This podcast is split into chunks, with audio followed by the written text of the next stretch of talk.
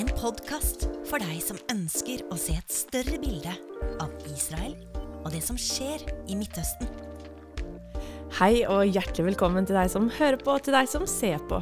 Jeg er Maria Torgussen Helgerud og sitter i studio i Åsgårdstrand sammen med min kollega og gode venn Martin Geleien. Vi jobber for Internasjonale kristne ambassade Jerusalem.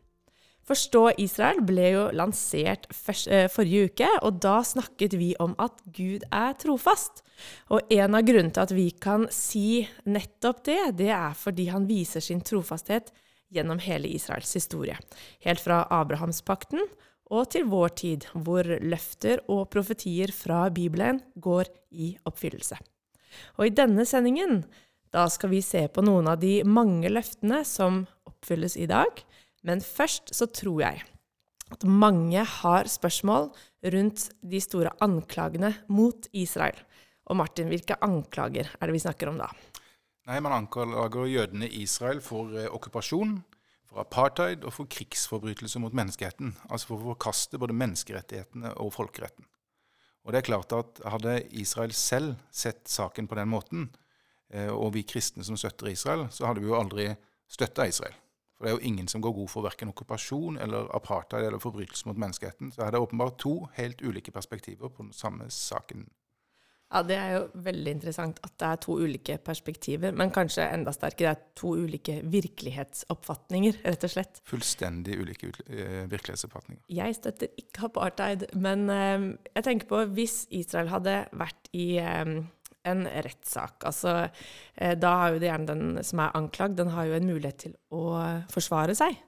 Hva er det Israel ville ha sagt da, til de som da hører på? Hva er deres side av denne saken?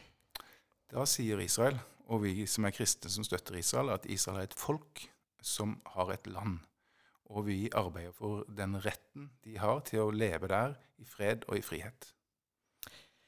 Vi må snakke først om eh, anklagen om da okkupasjon, og så tar vi apartheid litt seinere. Eh, kan ikke du fortelle litt om ja, hvor, det, hvor det begynner? Hva er det det dreier seg om? Det begynner etter første verdenskrig. Da slår folkeretten fast at jødene er urbefolkning i hjemlandet sitt, og gir de rett til å opprette en jødisk stat. Og Det var samtidig som grunnlaget for opprettelsen av Irak, Syria og Libanon ble lagt av eh, folkerettslige beslutninger. Og I 1922 så bekrefta eh, Folkeforbundet, som er forløperen til Forente nasjoner, FN, eh, den retten jødene hadde. Ok, Så FN og folkeretten de definerer da jødene som urbefolkning i ja, det historiske Israel? Det stemmer. Ok.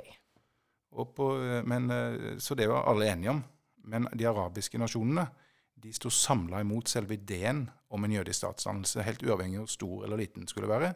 Og de lovde og sverga på tro og ære at de ville angripe den staten så fort den så dagens lys. Ok, Så de likte ikke det her? Nei, de forkasta både, eh, både, folkeretten og Folkeforbundet sin bekreftelse av folkeretten. Hvor store landområder er det egentlig snakk om? Det er snakk om et bitte lite landområde. Det er 22 arabiske nasjoner i Midtøsten og en bitte liten jødisk stat. Jødene er den eneste etniske minoriteten som har greid å løsrive seg fra den eh, arabiske overmakten. Mm. Og Israel utgjør 0,2% av det arealet som de 22 arabiske eh, statene disponerer. Så det er en bitte liten rosin i bollen, eller mer for araberne et hår i suppa. Men de som da ikke ønsket at jødene skulle få sitt hjemland tilbake igjen, eller få sitt hjemland, eh, hva er det de egentlig ønsker for det jødiske folket? De definerer ikke jødene som urbefolkning, og de forkaster folkeretten som gir jødene rett til å ha et eget land. Og Det gjelder òg norske kritikere av Israel, de mest ytterliggående, som f.eks. Palestinakomiteen. Men hvor skal da det jødiske folket leve og bo? Da må de leve sånn som andre folk uten land, blant de andre nasjonene. Og Det har jo jødene gjort i, i 2500 år. 2000 år under kristne og blitt forfulgt og hatt det helt grusomt. Og 1500 år under muslimer og òg blitt forfulgt og hatt det helt grusomt. Så det er alternativet. Ok, men så kommer jeg tilbake til det her med urbefolkning. For det er vel det som det er et hovedspørsmål. Hvem har bodd der lengst? Mm. Eh, har det alltid bodd jøder og arabere i dette, disse områdene? Eh, bibelfortellingen begynner med Abraham, som er 1750 år før Jesus ca. Det begynner å bli en stund siden. Og eh, 1250 år ca. så leder Moses folket inn i Israel. Og, og 1000 år før Kristus så gjør David Israel til kongerike med Jerusalem som hovedstad. Så de jødiske røttene kommer jo helt derfra. Og på Jesu tid så var jo jødenes land da okkupert av romerne. Eh, og eh, jødene levde som en undertrykt minoritet. Araberne kommer først på banen 600 år etter Jesus. For frem til, ja, for frem til da så hadde araberne levd i hovedsak som nomader. Eh, men Mohammed samla araberne, de, de er jo tolvstammefolk, sånn som jødene, under islam og underla seg hele Midtøsten ved sverdet. Så da fikk på en måte araberne makt over hele Midtøsten. Men fortell litt om um, hvem som på en måte har regjert da, i disse områdene. Du sier jo litt nå, men Ja, romerne regjerte jo noen eh, et par-tre århundrer. Mm. Så det jødiske folket har rett og slett blitt fordrevet fra eh, det området gjentatte ganger, og allikevel har de blitt definert som urbefolkning? Ja, få tiår etter Jesu tid så gjorde jødene opprør, de som var knytta til eh, Judea og Jerusalem. Og Det ble slått hardt ned på romerne, og jødene ble fordrevet fra Jerusalem. Da reiste de nordover i landet, rundt uh, Genesaretsjøen, oppe i Galilea, og lagde nye jødiske samfunn der, hvor det alltid har vært uh, jødisk uh, bebyggelse helt til vår tid. Og etter det så er det andre kristne riker som har tatt over, ulike muslimske riker, arabiske, kurdiske, egyptiske. Og altså fra 1500-tallet frem til første verdenskrig så var det tyrkerne Eh, jødenes land var en del av det store tyrkiske osmanske riket. Ok. Du kan så mye, vet du. Det er, eh, det, er nesten, kanskje ikke komplisert, men det er jo litt interessant at uh, det er det, det, snakkes om Eller det defineres et annet Det gis et annet bilde da, i de mediene vi kjenner til i dag. Og, ja. Så jeg tror mange har spørsmål rundt det her, egentlig. Og det er jo veldig hardt å anklage Israel for ulovlig okkupasjon, når det da, når vi snakker om nå at det, det er ikke sånn. Dette bildet vi sitter med, det er helt annerledes. Ja, for frem til 1967, altså i perioden mellom 1948 og 1967, så anklaga arabiske nasjoner Israel for å okkupere hele landet sitt. Eh, da hadde Syria, Egypt og Jordan okkupert de områdene som i dag kalles for Gazastripen og Vestbredden. Eh, så, men frem til da, altså i perioden mellom 48 og 67, så var det ingen som kjempa for en palestinsk stat. De kjempa bare for én ting, og det var for å utslette Israel. De forsøkte i 48, og forsøkte igjen i 67 og 73. Og etter de fant ut at ikke det gikk, så har de lagd en myte om at Israel okkuperer de områdene som Israel vant tilbake igjen etter 1967. De krever at eh, det skal opprettes en palestinsk stat innenfor de såkalte 1967-grensene, det var områder som de selv disponerte mellom 1948 og 1967, men som de den gangen ikke ville opprette en palestinsk stat på. Kan vi ikke snakke litt om disse logoene som har eh, Israel som eh, ja, kart i logoen sin, som symbol? Jo, det, det eh, Mottoet til den palestinske frigjøringsbevegelsen det er 'From the river to the sea, Palestine will be free'. Mm. Altså hele Israel, oppretta mellom Jordanelven og Middelhavet, er definert som Palestina, et arabisk land, som aldri har eksistert i historien.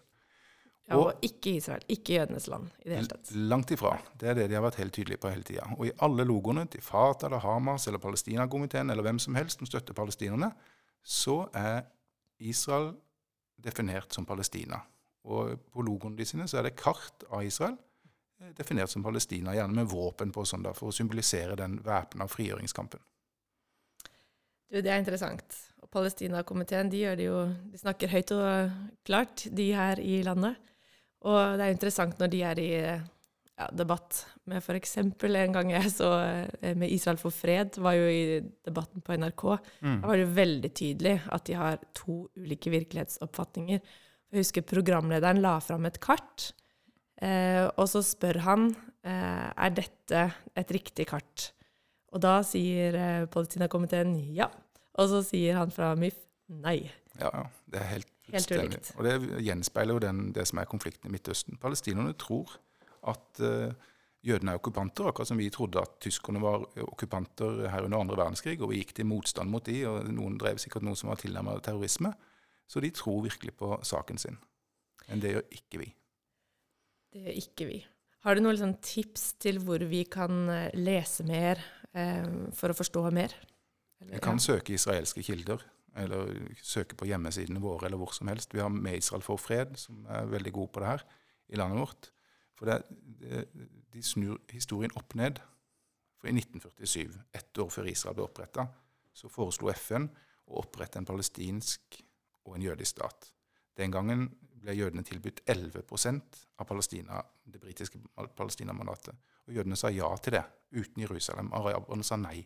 Nei til å tilby jødene en stat på 11% av det området som folkeretten hadde tilbudt dem. Utrolig lite. Ja, gang på gang så har araberne sagt nei til sånne avtaler. For det de definerer jødene som innflyttere og inntrengere, og landet som arabisk. Så det er det konflikten starta med, og det er det som opprettholder konflikten. Ja, for jeg hører jo noen si at eh, hvis Israel bare trekker seg tilbake, hvis de bare gir opp land, hvis de bare gir fra seg Jerusalem, da vil det bli fred. Men hvis eh, det er sånn da, at eh, de arabiske statene gjentatte ganger har sagt nei til avtaler, da, da, ikke, da stemmer ikke den påstanden. vår. Nei, derfor blir det ikke noe fred heller. F.eks. i 2006 så ga Israel Hamas, eller de ga palestinerne på Gazastripen selvstyre, og den kontrollerte Hamas. Og nå i mai sendte Hamas 4500 raketter mot israelske sivile, mot storbyer som Jerusalem og Tel Aviv, med uttalt mål om å myrde sivile jøder. Så det er det resultatet alle israelske, alle israelske kompromisser har brakt med seg. Så den linja har ikke ført fram. Det var anklagen om okkupasjon, og vi går videre. Eh, noe helt annet, Martin. Både du og jeg har jo reist til Israel noen ganger. Du enda flere ganger enn meg. Men jeg syns bare det er så spennende land å være i. Det er liksom veldig eksotisk. Det er litt annerledes enn Karl Johan og, og Grünerløkka og vandre i Jerusalem. Ja, jødene kommer jo fra bokstavelig talt alle verdens nasjoner. Det er jo en del av det arbeidet som IKA er med og, og støtter. Mm. Så du har jo alle verdens kulturer inne på et bitte lite område.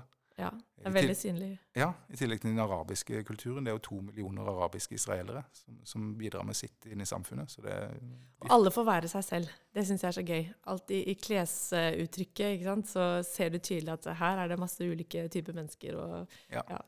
Men jeg husker en guide sa til gruppen som jeg var en del av, han sa husk på det at Israel er et moderne og velutviklet land.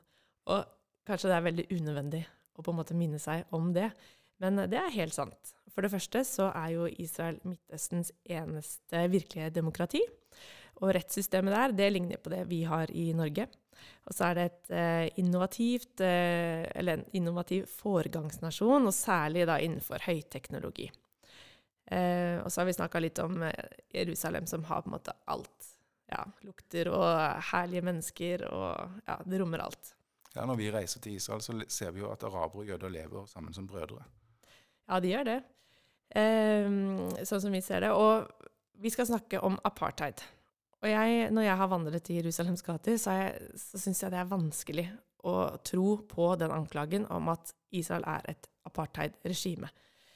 Eh, så jeg tror nesten vi må bare snakke litt om hva den anklagen går ut på, og kanskje begynne å snakke litt om demokrati, da. Ja, uh, det er ikke noe apartheid i Israel, selv om mange anklager de for det òg. F.eks. hvis du går til nasjonalforsamlinga, til Knesset, så er det tre rene arabiske partier der som er muslimske og som er antisonistiske. Altså de er rett og slett imot opprettelsen av den jødiske staten. Så i Knesset sitter det ultraortodokse, gamle jødiske rabbiner, ultrakonservative, med lange skjegg, ved siden av altså, arabiske muslimer som er antisionister, og unge, progressive jødiske homofile som, som promoterer pride-bevegelsen osv. Alle er representert. Så det er virkelig alle er representert. Blir de lett enige, tror du? det gjør de ikke. De sier jo i Israel at hvis du har eh, to jøder, så har du tre forskjellige meninger. Så det er en varm debatt og en litt annerledes eh, klima enn her i Norge. Men det israelske forsvaret, da lurer jeg på araberne, har de verneplikt? For det er jo to millioner arabere i Israel i dag. Mm. Seks mm. millioner jøder. Fortell litt om det. Ja, eh, araberne er fritatt fra verneplikt fordi de har samvittighetsårsaker eller ideologisk overbevisning kan synes det er vanskelig uh, å, å, verve seg. Uh, så har de uh, tilbud om en sånn type som vi har her i Norge, siviltjeneste eller samfunnstjeneste eller sånn type ordning. Men det som er spennende, er at stadig flere arabere verver seg som frivillige til, eh, til israelske forsvaret. De vil være israelere, de vil forsvare landet sitt, og de står for det Israel eh, står for. Så de har mange som har høye grader, f.eks. Lese kilder av det på nettet. Eh, arabiske israelere med høye grader, som har mange tusen eh, jødiske israelere under seg, Mm. som leder i militæret eller Forsvaret. Så det er veldig spennende. Ok, så i Israel, internt i landet, der er det ikke et apartheid-regime. Nei, det er urimelig å påstå. Men anklagene må jo komme fra et sted. Så Ja. det det, hvor har de det fra, hva er det det går ut på da? Nei, hvis man anklager Israel for apartheid i forhold til at eh, det er restriksjoner for eh, palestinere utenfor Israel, ikke de to millioner arabere som er israelere, altså, men de palestinere som bor i egne områder på Vestbredden og Gazastripa, så er jo det en annen sak. Men før 1948 så bodde det tilnærmet én million jøder i arabiske land som har blitt fordrevet. Og I dag er det kanskje 500 igjen. Så hvis det er apartheid noen plass, så er det de arabiske nasjonene. Det er bortimot livsfarlig for jøder å oppholde seg i mange arabiske land. Eh, og, og hvis en snakker om apartheid knytta til eh, de palestinske områdene og Israel, så er det bare en situasjon som eh, er forårsaka av ett forhold, det er palestinsk terrorisme. Sånn som jeg sa i stad, 4500 raketter på 11 dager fra Gazastripen mot Israel. Israel setter inn sikkerhetstiltak langs grensa til Gazastripen for å forhindre palestinske terrorister å myrde sivile jøder. Det er ikke et apartheid som Israel står for. De ønsker jo å beskytte sitt folk og sitt Ja. land. Hvis det er noe apartheid der, så er det palestinerne som står for det. Hvis du forviller deg inn på Gazastripen av jøder, jøde, så kan det være garantert at du mister livet. Det er livsfarlig. Mens i Israel så bor det altså to millioner arabere, de fleste muslimer, som lever i Midtøstens eneste demokrati. Det kan jo være at du som lytter nå får bare enda flere spørsmål. Eh, Det har i hvert fall jeg gjort i min eh, reise for å forstå det med Israel. Og da har vi kjempelyst til å høre hva du tenker, og bruk gjerne Instagram-profilen vår, Forstå Israel, for å kommentere og stille spørsmål. Så kan vi gjerne ta opp det i podkasten. Vi går videre.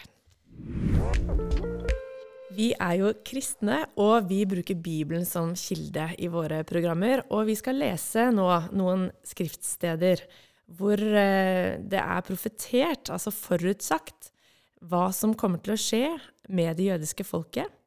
Og vi ser at eh, de oppfylles, altså går i oppfyllelse, den dag i dag. Jeg vil lese først fra Esekel 36. Der står det Jeg henter dere fra folkeslagene, samler dere fra alle landene og fører dere hjem til deres eget land. Så leser jeg Amos 9 fra vers 15 og 16. Jeg fører tilbake de bortførte fangene av mitt folk Israel.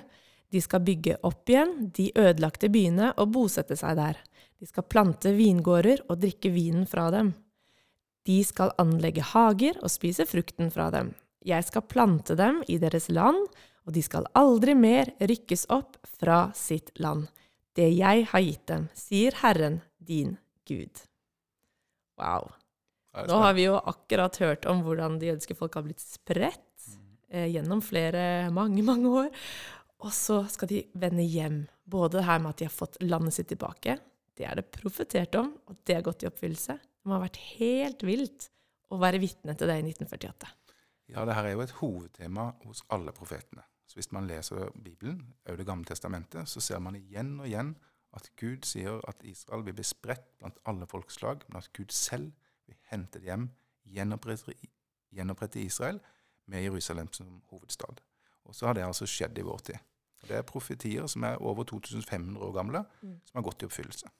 Og det skjer fremdeles. Det skjer fremdeles. Og når historikere skal se på det her og forske på det, så har det ingenting å sammenligne med. For det har aldri skjedd før i historien at et folk har blitt fordrevet fra landet sitt og bevart sin etniske identitet, sitt språk, sin kultur, sin religion, for så å vende tilbake igjen etter 2500 år. Eh, Så det er et mirakel. Og så står det her at de skal plante vingårder og drikke vinen fra dem. Kan ikke du fortelle, for det skjer jo faktisk også veldig detaljert, da, som Bibelen er. Ja, veldig vakkert. Og særlig i flere tekster så står det at de skal plante vingårder i Samaria. Og Samaria, der ble faktisk eh, jødene fordrevet fra 722 år før Jesus. Så det begynner å bli godt over 2000 år siden, eh, eh, eller 2700 år siden, siden de var der sist. Og så, så sier altså profeten at dere skal komme tilbake dit på Israels fjell og plante vingårder. Og i dag så er det vingårder over store deler av Samaria, og du kan gå på polet og kjøpe prisbelønte jødiske viner. Så det er helt spesielt og helt uh, utrolig at det faktisk har gått i oppfyllelse. Så Gud er trofast. Gud er og trofast. Han har ikke forlatt og forkastet det jødiske folket. Da vil jeg takke for at du var med oss nå. Så vi går jo da mot slutten av denne sendingen, men allerede om en uke, på torsdag, da er vi tilbake igjen. Og følg oss på Instagram, abonner gjerne på podkasten, se oss på YouTube, og del gjerne det du har hørt nå, hvis du liker det da. Så gleder vi oss allerede til neste uke.